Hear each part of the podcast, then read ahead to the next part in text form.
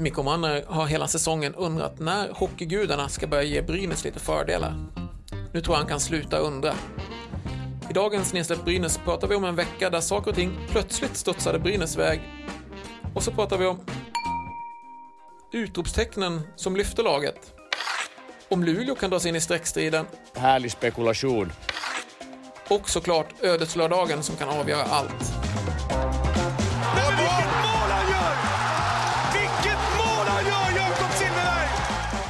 Har varit lite tur- turbulens före mig så jag hade ingen, ingen stress att det kan inte gå så mycket sämre. Hur skjuter karln? Hur skjuter han? Kom igen då! Ta de här jävla rätt upp och ner bara. Ja, hej och välkommen till avsnitt 25 av eh, Gefle Dagblad och Arbetarbladets eh, hockeypodd Nedsläpp Brynäs. Eh, matchform på Daniel Sasse Sandström idag. Lite sportlovsmode har jag, känner jag. Solen skiner ute och det är, vad säger man? Sen, sensommar tänkte jag säga, senvinter. Förvår. Det är helt enkelt Slutspelstider. slutspelstider. Ja, det behöver vi kanske inte... är Ingen större risk att vi behöver fundera på slutspelet kanske, men eh, det har ju ändå hänt mycket sen vi stod här förra veckan. Ja, säg Då- inte det, säg inte det. Brynäs går rent, det går som tåget. Summerade alltså noll poäng förra gången vi stod här. Eh, då avslutade jag podden med att lyfta frågan om Mikko Manner faktiskt skulle vara kvar som tränare när vi hörs igen.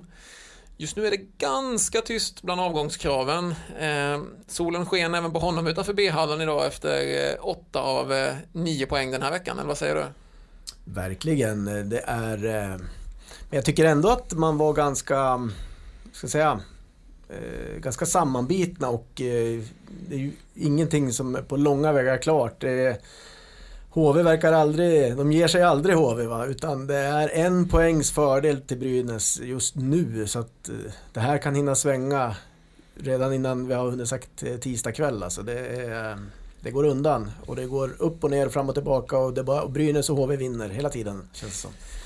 Ja, det var ju en, en vecka som jag sa lite här i inledningen, en vecka där marginalerna faktiskt har varit med Brynäs. Eh, egentligen rakt igenom. Vi kan väl eh, kan vi börja där och ta oss lite eh, match för match sen vi hördes senast. Eh, det började uppe i Skellefteå med en, en match där till och med passningar blev till avgörande mål. Eh, Dimas eh, försök att spela rakt igenom zon där eh, eh, Ja. slutade i en övertidsseger. Och det var ju en bra match eh, av Brynäs på alla Ja. sätt. Men det krävdes en hel del skopatur för att det skulle lö löna sig att bli en seger så att säga. Ja, apropå marginalerna. Bägge Timmarssons mål var ju faktiskt via Skellefteå-spelares eh, skridskor. Så att eh, han var ju rolig efter matchen. Nej, jag försökte skjuta, så sen sen man ser reprisen.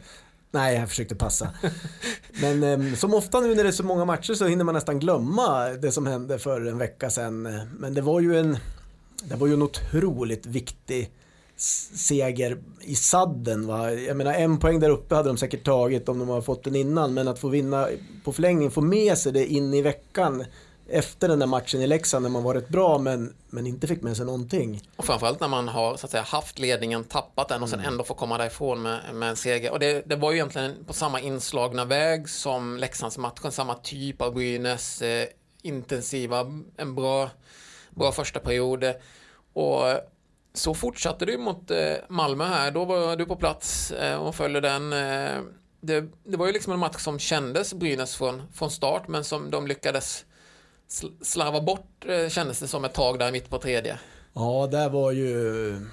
Det får man ju nästan tillskriva att Brynäs hade tur som går, iväg, går ifrån den matchen med 4-1.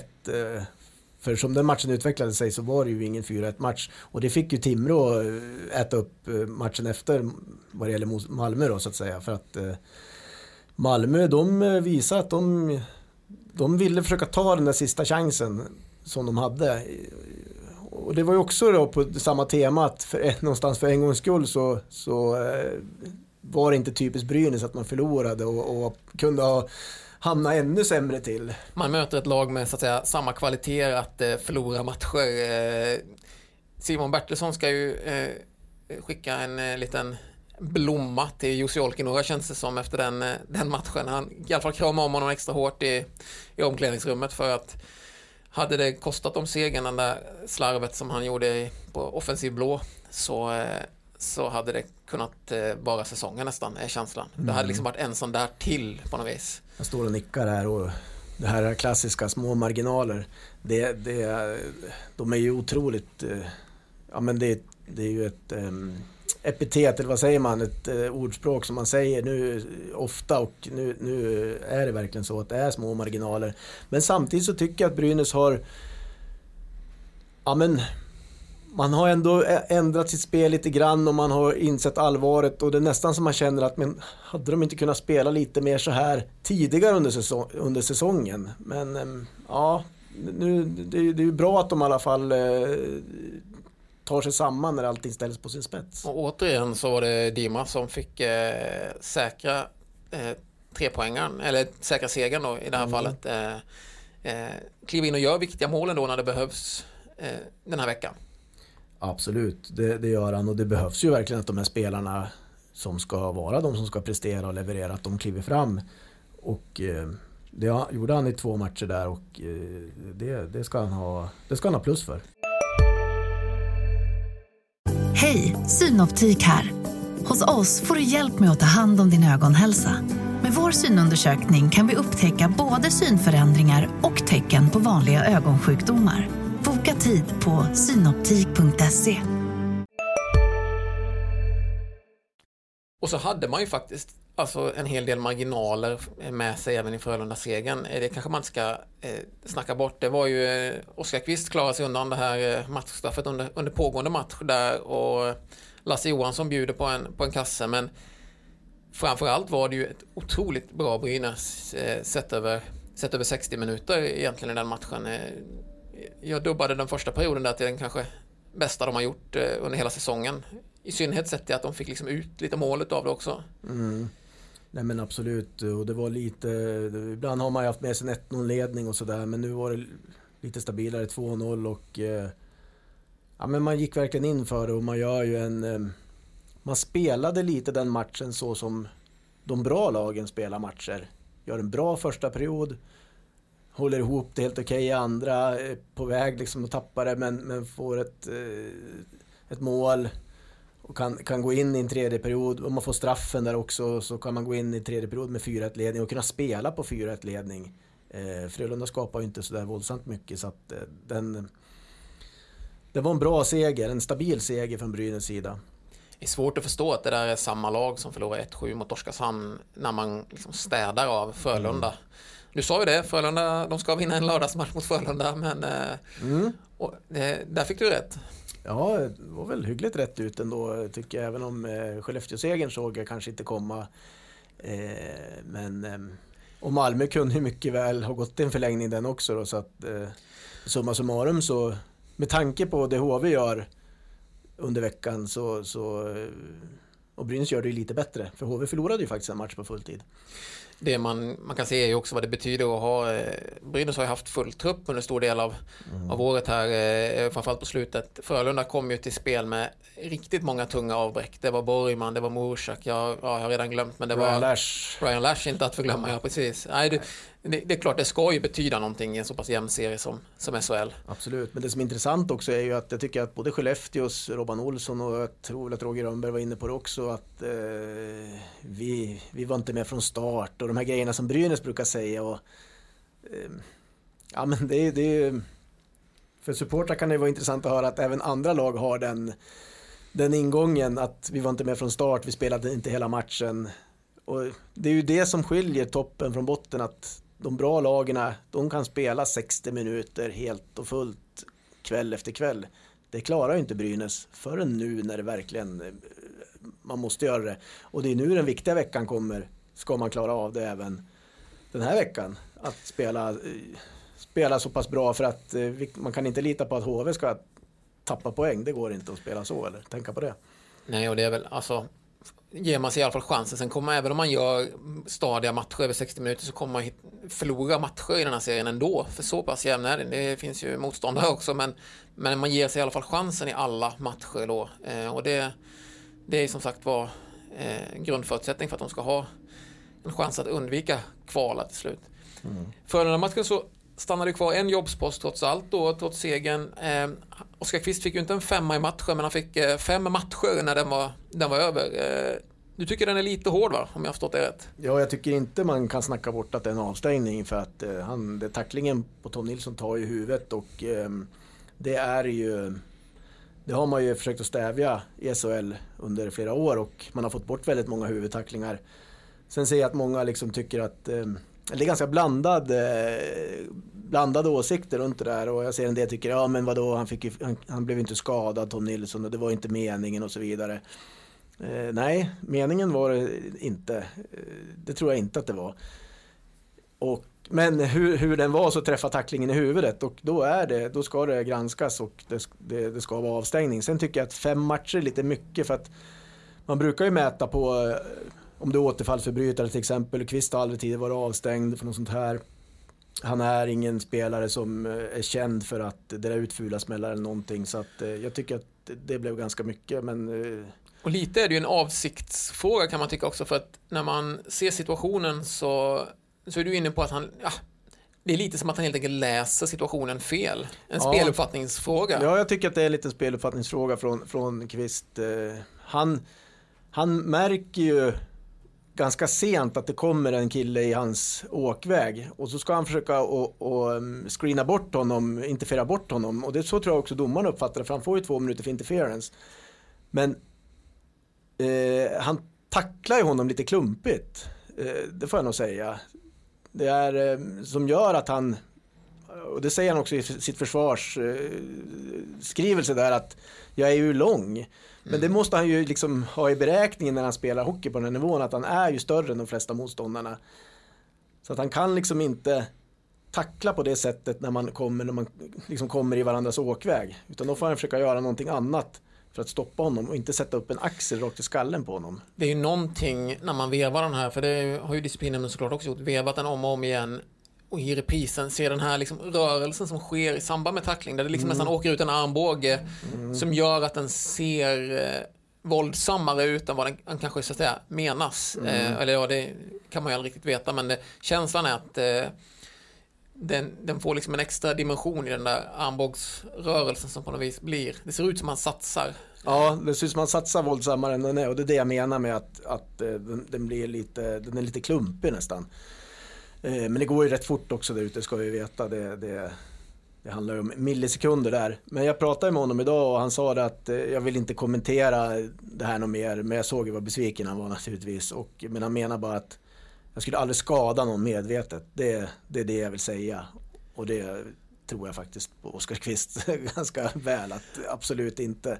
Men man har ju full förståelse för att Roger Rönnberg eh, bet sig själv i tungan och kanske sa en del saker efteråt eh, eh, om den här för att en femma där eh, hade ju kunnat eh, förändra matchen betydligt. Det har han kunnat gjort. Eh, kanske inte mm, på grund av att Kvist hade försvunnit ur matchen på det sättet. Men däremot att de har fått spela fem minuter Nej, men det är det sammanhängande powerplay visst, där. Det, det, är- Då börjar man tänka, de har ju varit där förr med den där typen av utvisningar. Det var inte så länge sedan Timashov tog en, eh, en femma i något lite liknande läge när det stod och vägde sådär. Så att, eh, där hade ju också, så att säga, det är på turkontot på Hockeygudarna plus kontot den här veckan då så att säga.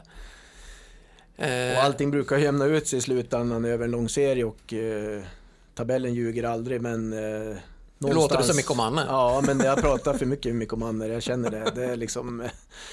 Nej, men Brynäs är ju, är ju inte bättre än att man är där man är, men eh, man är tillräckligt bra för att faktiskt kunna klara sig ur den här knipan. Men problemet just nu är ju att HV också är nästan lika bra som Brynäs just nu, eller man nu ska säga. ja, det minst... Eller de är till och med bättre då sett över tid, men, men eh, ja, jag säger som jag fortsätter säga, jag tycker att HV överpresterar och jag, jag tänkte när de förlorade här i torsdags att nu, nu kommer deras lilla svacka, nu får de stryk ett par matcher, men nej, så knölar de till en tvåan då mot Linköping på övertid där i lördag så att, Ja, det var till och med i tisdags de förlorade. Eh, ja, sen hann de, hann de med att vända mot Örebro. Ja, just det, de slog Örebro på torsdagen. vi, Mm. eh, vi kommer till eh, det, den stora duellen.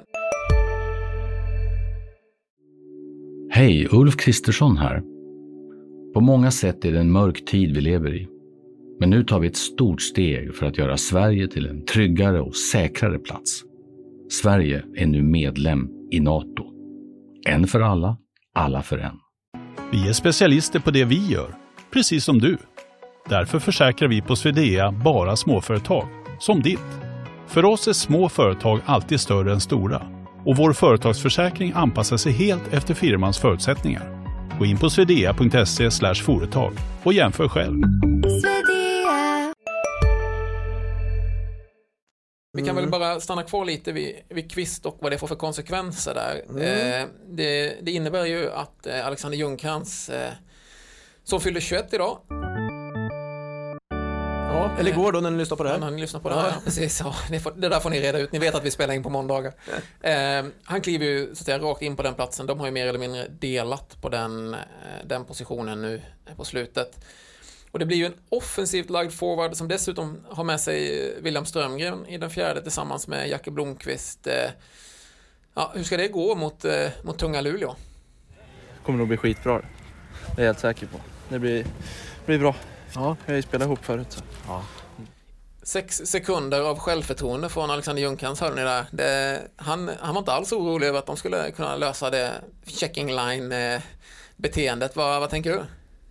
Nej, men det kommer säkert att gå bra. Ljungcrantz är ju en annan spelartyp än, än Kvist. Men som du sa alldeles nyss så, så har de ju faktiskt delat på det ganska mycket. De har ju gått runt på 13 forwards. Eh, här mot Frölunda så fick ju, jag tror att Kvist hade sju byten i matchen och Ljungcrantz eh, fem byten. Nu kommer Ljungcrantz att spela lite mer och eh, det tycker jag är bra att han får spela. Jag tycker att han, eh, han har en, en, en bra uppsida och eh, den här fjärde kedjan med Blomqvist Eh, de vill ju, och du har även Strömgren som vill ha mycket puck. För det sa ju Jackie Blomqvist till mig för inte så länge sedan att eh, om vi kan göra en del bra, naturligtvis är vår huvuduppgift att inte släppa till någonting, men du släpper ju aldrig till någonting om du spelar anfallszon. Så att om de kan göra en del bra byten eh, på långa anfall och lämna över till första line som kommer in efteråt, det tror jag är en del av planen. Det, det, det, så tror jag de spelar, vill försöka göra det, att ändå vara ganska högt upp i banan den här fjärde kedjan och inte bli liksom tillbakapressade.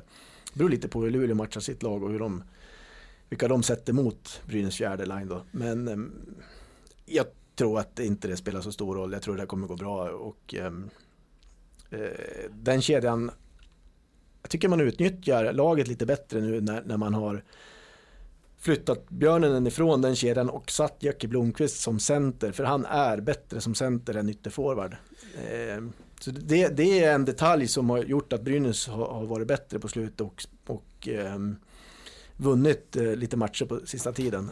Ja, jag, jag tänkte vi Ja. skulle faktiskt komma in på just, eh, för vi måste ju bena lite i vad det är för faktorer som, som har skett den här veckan som, som faktiskt gör att Brynäs är ett vinnande lag igen. Och det tycker jag kanske är den tydligaste förändringen som har betalat sig bäst, så att säga. Hannes Björninen från fjärde till andra. Eh, den andra femman har ju varit eh, betydligt tyngre att möta för motståndarna än eh, hur den såg ut tidigare. Ja, verkligen och eh, det var ju liksom lite gnäll där då när man eh, förra veckan när Palve skulle ut på en kant. Många tycker att ställ honom på sidan. Ja, men alltså Brynäs har inte så många bra spelare att man kan ställa Palve på sidan. Vem ska man spela istället liksom, tänker jag. Ja, Ljungcrantz säger en del. Men Ljungcrantz 21 år ställs mot en spelare som ändå har någonstans han har avgjort ett kval för Brynäs. Han är eh, bit över 30-årsåldern. Palve kan göra saker med pucken som, som, ehm, ja, men som finns där, ligger latent i, hos Och honom. det såg vi med det här backhandmålet eh, Ja, nyligen. Här. verkligen. Men jag, jag, jag sa det innan här att just eh, det man får med den här femman var ju ett bra bevis eh, var ju målet mot, mot Frölunda. Det, det är väl 1-0 va, om jag inte minns, Mm. minns helt fel. Där man får farten med Rudin som tar in puck. Han släpper över på, på Palve i, i vänster del av zon och Palve liksom med sin smartness kan sätta ett skott på bortre benskydd bara och så driver björnen den på mål. Mm. Hade den där femman varit komponerad med med Palve som center så är jag inte lika säker på att de hade liksom vunnit den här fighten framför mål och tagit den dit liksom, utan då hade eh, kanske Palve sökt eh, en annan position Mm. i, i det spelet. Och just tyngden som Björninen eh, och att han också hittar lite spelglädje. Han får spela i en kedja som ska producera. Mm. Ja. Han har ju kvaliteter. Absolut, och Björnen växer ju också av att, ja men han är ju lojal mot Mikko, han spelar ju där han blir tillsagd att spela och eh, gnugga en fjärde och han gjort väldigt mycket på senare delen av säsongen men, men blir han, eh, eh, alltså nu får han ju ett mycket större förtroende får spela alla powerplay, får komma upp och leda en andra kedja som center. Det är klart att han växer av det, absolut. Det är ingenting att snacka om. Nej, men en sån grej till som också blir då som sagt var när man kan använda björnen i den kedjan, det är ju att man får med sig Jacke Blomqvist på centerrollen som du var inne på. Eh, och dessutom får man då liksom ytterligare en väldigt vass tekare. Eh, Palva har ju vunnit en del tekningar men inte alls varit så bra som både Björnen och eh, Jacke sen han började så att säga, få göra den sysslan. Så de eh, vinner lite fler, lite fler sådana är inte att underskatta heller i, i att få skapa tryck på motståndaren. Mm. Ja, men och Björnen behöver inte bara eh, vara defensiv i, sitt, eh, i, i, sin uppgift utan man får helt plötsligt en, en mer offensiv kraft också i Brynäs som man behöver för att också vinna matcherna, inte bara försvara sig i matcherna. Så det, eh, ja, eh, bra, bra drag som kanske skulle ha gjorts. Ja, man försökte i och för sig med Palve som ytter tidigare på säsongen, men Koka ner det till problemet att Brynäs har för många centrar. Det, eh, det, har vi varit inne på hela säsongen och jag tycker det har visat sig. Men nu tycker jag ändå att man har, utefter det man Utefter det material man har så har man komponerat det bra. Så att vi får väl se hur det fortskrider. Handlar väl lite om att alla inser allvaret också på något vis nu. Att det är ingen idé att gå runt och gnälla för att man får spela Nej. ytterforward för då har man ingen, ingen SHL-klubb till nästa säsong tänkte jag säga. Eh, ett annat sätt utropstecken som man ändå kan glädja sig kring den här veckan är ju Theo Lindstein som eh, klev in och fick eh, starta i första backpar. Eh, nu har han ju roterat lite med, med Kinnvall ändå men vi tittar sen han fick förtroende här så har han inte varit inne på ett enda baklängesmål. Och varit inne på något, något framåt. Och eh, tycker jag har spelat eh, med ett, ett lugn som man ändå kan vara imponeras av en 18-åring i den här situationen. Ja, men jag tycker liksom att få ehm, få eh, bara att få den, ehm, som säga eh, kallar det utmärkelsen, man ska säga, alltså att få vara i line-up varje kväll varje match. Det tror jag är eh, stort för honom och eh, att han växer med den uppgiften. Plus att man tar bort lite av tyngden på Kindvalls axlar och nu har man smugit in Kindvall lite, lite successivt i powerplay också igen vilket gör att eh, han känner lite mer förtroende och alla sju backarna är involverade. Va? Men för jag tror att Lindstein också, han, han väx, förutom att han växer av det så, så mm, känner han att han inte bara är en sjunde back som går in och tar några avlastningsbyten utan nu har han en tydlig roll. Vi tror på dig, du får starta matcherna med Sklenicka. Det är... Eh, tittar han senaste matchen, nu spelar han 11 mot, minuter mot Frölunda, han spelade nästan 13 mot eh, Malmö. 14 drygt mot Skellefteå och 14 mot Leksand och innan det var det under 10 minuter. Så att de senaste fyra matcherna har han ju fått betydligt mer istid och gjort det bra som sagt. Eh, det behövs ju som att det, att det finns självförtroende på, på sju backar. Eh, och så avslutningsvis så sticker såklart Jussi Olkinuora ut. Eh, han har väl blivit det precis som, eh, som Brynäs hoppades. Ja, när vi kokar ner allt det här ändå så kommer vi till att eh, man har fått en kille längst bak som han släpper ett mål per match de senaste match, eller de matcherna han har stått. Och släpper du bara in ett mål då har du en ganska stor och god chans att eh, vinna. Så är det. Det är, spelar ingen roll hur du spelar matcherna eller på vilket sätt du kommer ta dig an en match eller vilken taktik du har. Släpper en målvakt in mer än ett mål, då, då är risken stor att du förlorar. Så är det, men ett mål eller inget mål, inget mål då, då tar du definitivt poäng i alla fall. Va? Ja, nej, men han, eh, det finns någon slags... Eh... Det är väl en nolla vi väntar på nu va, egentligen? Ja, jo, den, den har han väl kvar att beta av. Eh, jag vet inte, det, det, låter ganska mycket när han spelar också har vi konstaterat. Du satt på, på läktaren i torsdags och började undra vad det var som, som hände. Jag trodde det var någon rackare i publiken som satt och skrek nere på nedre etage. Det var i torsdagens match mot Malmö. Så eh, sa jag det till Stisse Åberg som var med mig på den matchen och jobbade. Vem, är det någon i publiken som skriker? Vem är det som skriker? Jag tror det är målvakten, sa Stisse. Jag tror det är Jussi. Och mycket riktigt så det är Jussi som skriker värre än en fotbollsmålvakt. Vi eh, pratade lite med honom om det, eller du pratade lite med honom om det idag. Eh, ja. Höra vad han säger. De flesta målvakter pratar ju till sina spelare. Kanske jag är mer högljudd än de flesta men uh, jag gör ju det bara för att hjälpa för att de, de har inte så mycket tid och och utrymme att se vad som händer. Jag ser ju allting och jag, oftast har jag inte något annat att göra så jag kan, hjälpa till med det. Men det är nog de flesta målvakter hjälper ju varann och spelarna pratar till varann också. Nästan som en fotbollsmålvakt. Precis, de pratar ju väldigt mycket och de skriker ju också. Har du varit fotbollsmålvakt? Nej, det har jag inte. Nej, men jag har sett fotboll. Har sett... Ja, vad säger spelarna då? Tar de till sig av det du säger? Ja, förhoppningsvis. Ja, man ser ju det. Man ser ju vad de gör och självklart de är ju vuxna killar, proffs, professionella spelare. De vet ju vad att göra men ibland är det bra att ha lite försäkring om att uh, vad, som, det, vad, vad de ser är detsamma som jag ser. Det var alltså inte för att han hade någon slags fotbollsbakgrund men, eh, men ändå. Eh, det, det är ett sätt man, jag har liksom inte hört talas om den där, den skrikande hockeymålvakten förut. Eh, Känner du igen något, något, exempel på det här? Jag kan inte på rak arm komma på någon. Det är klart att alla målvakter ropar och, och, och skriker och sådär men inte så att det ekar bland 6000 åskådare. Kanske ett betyg på att det är för tyst. Jag tänkte säga det, det gäller ju att man hör något också men det, ja, det kanske man gör i, i monitor just nu. Nu var inte jag på plats i lördags men det kanske var mer livat då. Så att, eh, det har väl lite med den här anspänningen också att alla sitter efter ett, eh, liksom innan första målet faller så är det någon slags eh, tystnad i ren nervositet just nu. Mot Malmö var det definitivt så. Jag vet inte om jag sa det eller skrev någonstans att eh, det måljubel som var på både 1-0 och sen även 2-1 målet mot Malmö, det var, det var SM-finalklass på det. Det var otroligt... Eh, folk, de hade nästan börjat räkna in ett kval här och så helt plötsligt så bara exploderar Brynäs och, och vinner matcher igen. Så det var någon befrielse för många. Det är så det låter när ångest lämnar kroppen. Men eh, annars, med, pratar lite Olkinuor så har han ju stått eh, fyra matcher i rad. Han har egentligen stått någonting i alla matcher eh, sen, sen uppehållet. Eh, han kom in och avlastade en skadad Lindbäck där. Eh, är det dags att vila honom mot eh, Luleå rent av? Ja, du var ju lite inne på det när vi satt och snackade här inför eh, dagens avsnitt. Eh, jag har inte riktigt tänkt den tanken men nu kommer det tre matcher igen den här veckan som eh, då i det läge, tabelläge vi är i blir ju ännu mer avgörande ju närmare slutet vi kommer. Så att, eh, spontant så säger jag nej. Spontant tycker jag att Olkinora ska stå alla matcher som är kvar.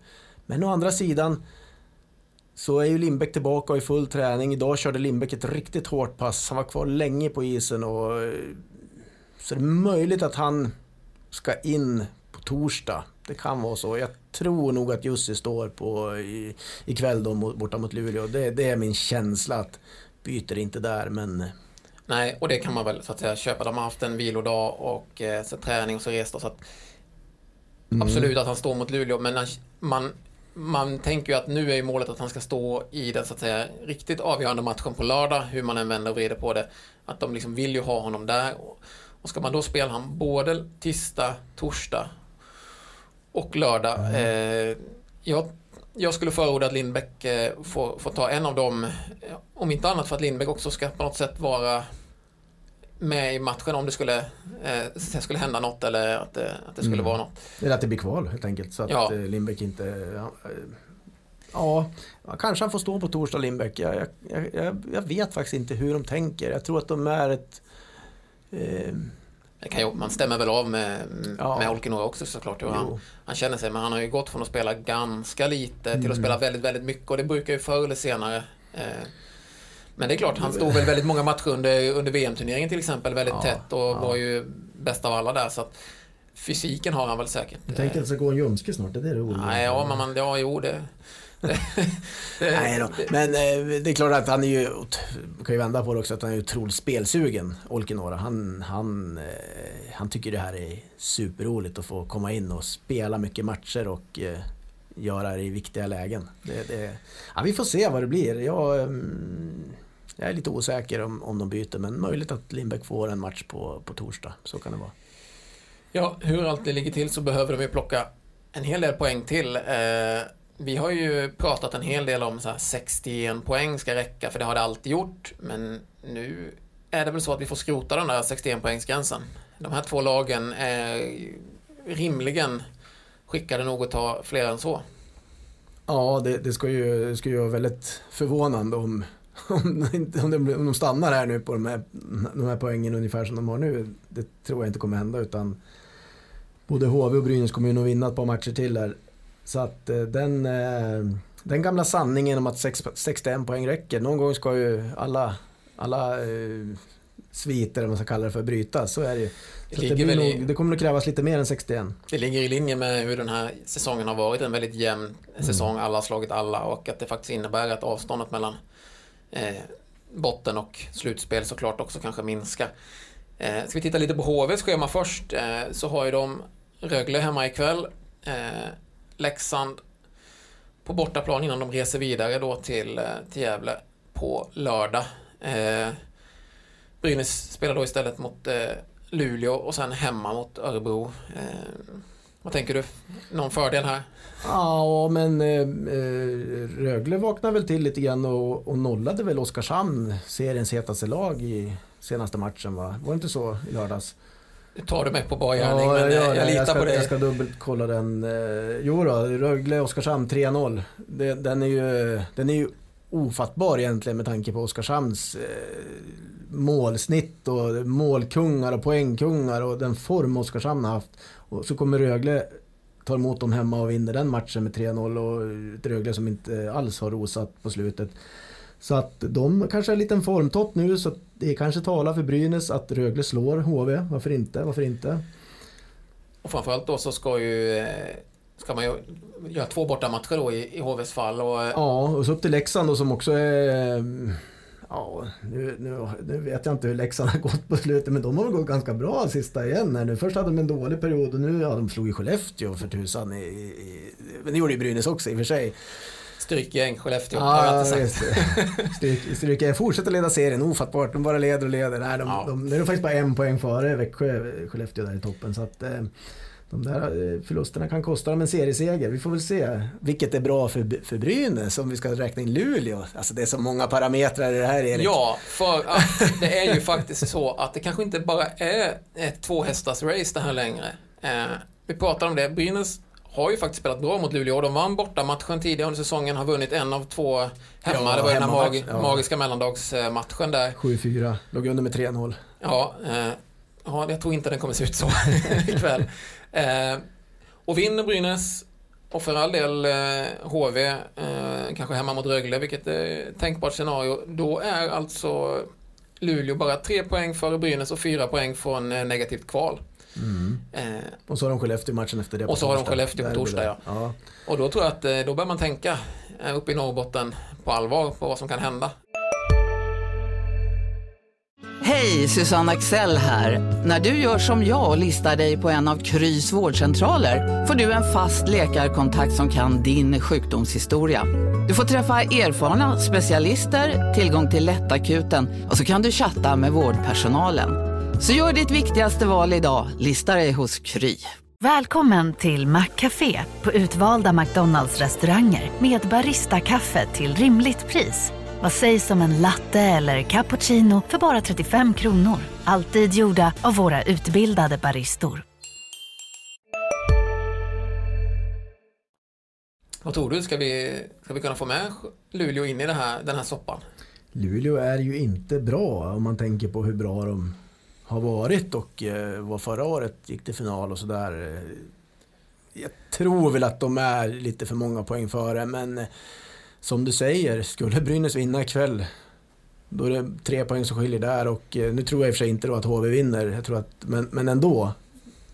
Lite panik, absolut. Att man helt plötsligt, oj, nu är vi lite riskzonen här. Lite nerver blir det. Luleås fördel är väl att eh, lördagsmatchen här så kommer ju något av lagen så att säga inte eh, ta några tre poänger i alla fall. Eh, så att de, de just mot kvalstrecket kanske de inte behöver vara, vara riktigt Nej, så det, det är ju deras eh, plusfaktor i det hela att, att HV och Brynäs möts på lördag som du säger. Så att, mm. Kan ni sätta lite press på Luleå? För att vinner ni imorgon då dras de med lite grann också i racet. Kan ni dra fördel av det? det? Skulle vara enkelt att tänka så, men som tränare du vet att du kan inte tänka så mycket om så, men det är härlig spekulation. Därför tävlar man hårt och, och sådana känslorna som den här tävlingen här i Sverige ger, ger så det är många möjligheterna som finns där, men vi kan, vi kan bara fokus Försök spela hela tiden bättre. Liksom fokus i spelet. Försök spela bättre. Det finns ju faktiskt, på tal om lördag då, det kommer ju bli en, en holmgång. Det, allting kommer ju leva, hur det än så att säga eh, går i veckan här så kommer den matchen att leva. Men det kan ju faktiskt fin för det finns ju en del scenarier här där, där det avgörs åt något håll eh, på lördag. Eh, det kan ju vara så att eh, HV går rent och Brynäs eh, går tomt och då kan ju eh, HV vid seger på lördag eh, boka in en plats i ingenmansland eh, och Brynäs börjar planera kval, kvalspel. Det kan också vara så att eh, Brynäs går plus tre poäng fram till dess och då kan man ju faktiskt avgöra hemma mot HV. Det är väl egentligen om man ska se det över säsongen det mest sannolika av de här två scenarierna. Att, eh, att Brynäs i alla fall tar tre poäng mer än HV in, in till på lördag. Ja, för sen då efter lördagen då är det två matcher kvar bara och sex poäng att spela om då så att eh, i nästa vecka. Så Man kan ju att, tänka eh, sig en, en kvällsmatch eh, i Monitor på, på lördag där eh, om Brynäs skulle klara av att, eh, säkra kontraktet i, i den då, då kan det bli en bra kväll för krogarna i Gävle om inte annat framåt, framåt eh, 22-23 där på, på lördagskvällen. Mm. Men eh, oavsett den här matchen är ju det är ju kvalet som börjar. Eh, om inte, inte förr så då. Eh, Ja, verkligen. Det, är- det är som en... eh, Får vi se lite grann vad man kommer in i, i, i hur ställningen är. Men, men allting har ju byggts upp mot den här matchen mellan lagen. Det har det ju gjort, så att det är klart att det kan bli så, definitivt. HV är ju ett lag som ändå är lite jobbigt att ha en sån här match för att dels är de ju i form och dels har ju faktiskt Brynäs haft väldigt svårt för, för HV. En poäng av nio möjliga hittills i år. Vad, vad är det som gör som hade passat eh, Brynäs lite, lite dåligt i år? Jag tror att Brynäs har kommit in med lite, lite felaktig inställning i matcherna mot HV. Eh, den här matchen, när man tog en poäng, då gjorde man, nere i Jönköping, då gjorde man ju en bra match. Det var ju då Brynäs var inne i sin, sin enda fina period under säsongen, förutom den period man är inne i nu. Eh, och då vände man ett 0-2 underläge och, och förlorade i och för sig på förlängning sen, men, men eh, jag tror att man har gått in med lite fel ingångsvärden i matcherna mot HV. Man har känt man- att de har ja. hjälpt mycket också på något vis. Ja, eh, så- jag, jag tycker ändå att det är ganska goda förhoppningar att, nu får vi se lite hur det går i de två matcherna innan, men jag har goda förhoppningar att Brynäs kan slå HV hemma. Man bör vinna minst en match mot HV under säsongen, så att, och det kommer nog på lördag, är mitt tips. Jag är mest rädd för eh, André Pettersson för det känns som att vad han än tar sig för just nu så är han ju stekhet. Eh, han är liksom en spelare som, ja, men som är lite, lite bättre än nästan alla andra i SHL just nu fast han tillhör ett, eh, ett bottenlag. Han sticker liksom ut eh, i, i spetskvalitet på, på väldigt många punkter. Eh, och en sån spelare är ganska obehaglig att ha mot sig i en sån här match där det, det räcker med någon individuell briljans och så kan det betyda så pass mycket. Ja, dels det plus att eh, de har ju också en finsk målvakt precis som Brynäs i Joni Ortio som har varit väldigt, väldigt bra på slutet. Eh, men jag, eh, ja, jag, jag vidhåller det jag sagt. Jag tycker de har överpresterat sett till hur de har varit över hela säsongen och därför tror jag att Brynäs eh, är i, i, i, i förarsätet. Inte bara den poäng man har i tabellen inför kvällens omgång utan fram till den matchen tror att Brynäs eh, har den feelingen. Och, men, men, men vad säger det också, men problemet för Brynäs, det är ju att bemästra det här eh, säga, oket eller den här traditionen av att vinna fler än tre matcher i rad. Det är, nu har jag inte haft tid att dubbelkolla hur länge sedan det var, men eh, om jag inte minns fel så var det alltså säsongen eh, 2016-17 när man gick till final. Det var senast man vann mer, fler än tre matcher i rad. Den här säsongen har man gjort, och då pratar jag tre poängare. Nu har man ju vunnit tre i rad, varav en var tvåpoängare mot Skellefteå. Men klarar man av det i Brynäs, att kunna gå en till, ta någon till i rad. Det är det som biter i tabellen. Då har man vunnit mycket, då har man även över, övervunnit den eh, jobbsposten så att säga, eller vad man ska kalla det för. Vi får se om de löser det. Jag tänkte vi skulle avsluta lite med att prata om eh, två andra matcher. Två eller tre andra matcher som kommer i veckan. För det är ju en häftig Brynäsvecka. Det är alltså tre SHL-matcher som betyder allt. Och samtidigt så inleder SDHL-laget eh, slutspel på onsdag. Så Ja. det finns en, en Brynäs-match varje dag här. Eh, de börjar borta mot eh, Linköping, samma lag som de avslutade grundserien mot i söndags här. Där de vann med, med 6-2 och sen är det då retur på fredagskvällen i Gävle. Eh, kan det bli annat än två matcher det här? Nej, det ska det inte behöva bli. Det är nästan satt lite i skymundan eh, med tanke på att eh, Brynäs eh, herrlag, det har varit så intensiva veckor och så viktiga matcher nu.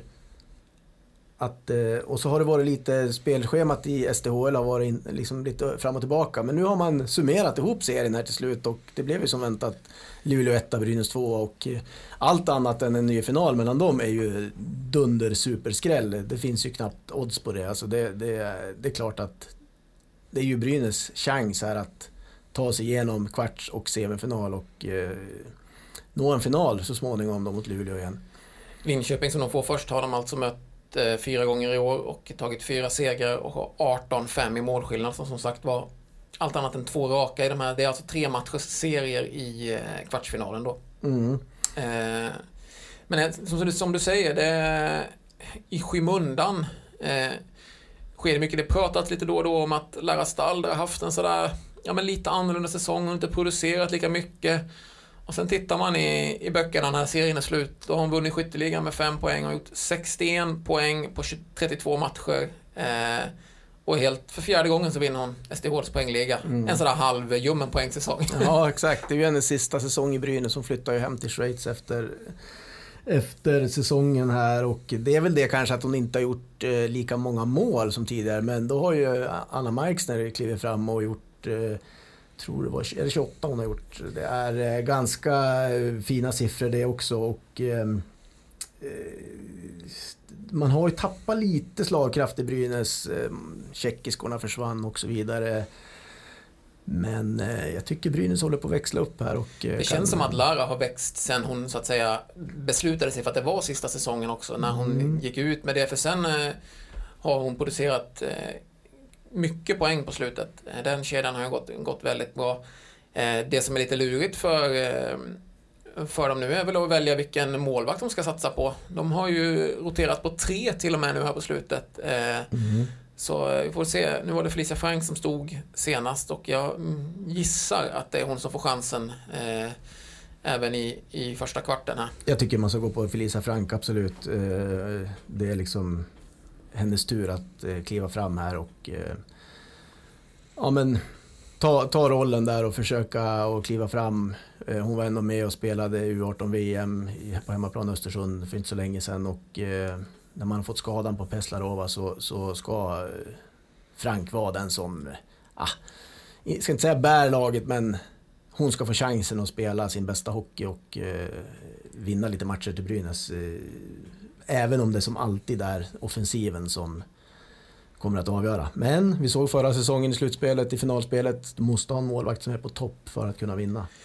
Så är det. det. Vägen fram till den här finalen ser ju sannolikt ut så att man möter Djurgården i en, i en semifinal medan vi gissar väl att eh, Luleå möter Modo på sin halva. Eh, det är så trädet ser ut om de, om de sköter sitt i, i kvartsfinal. Eh, men först som sagt var två matcher den här veckan så får vi se var vi, vi står när den är över. Eh, mycket talar väl för en ledig, ledig helg för, eh, för Brynäsdamerna i alla fall efter att Mm. ha stökat undan fredagen där.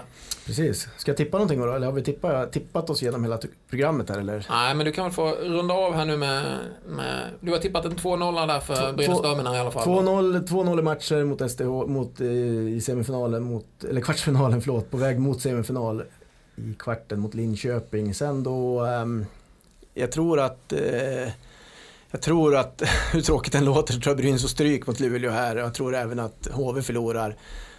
Sen kommer Brynäs att vinna hemma mot Örebro.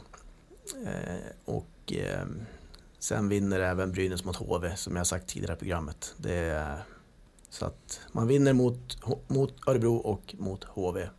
Men jag tror inte att det blir, är helt, ja, är det klart då? då? Vad, vad var vi inne på? Det blir snurrigt nu. Ja, vi får se då. Vi kommer att summera ihop det här nästa tisdag, det lovar jag. Det, det är matematiken, vi reder ut den. Eh, jag, jag, så att säga, jag tror det är många som lyssnar på den här podden som är ganska glada om du har rätt. Sex av, sex av nio den här veckan eh, kommer att ta, ta Brynäs långt. Så är det. Eh, med de orden så säger vi på återhörande nästa tisdag. Tack ska ni ha för att ni lyssnade. Tack och hej.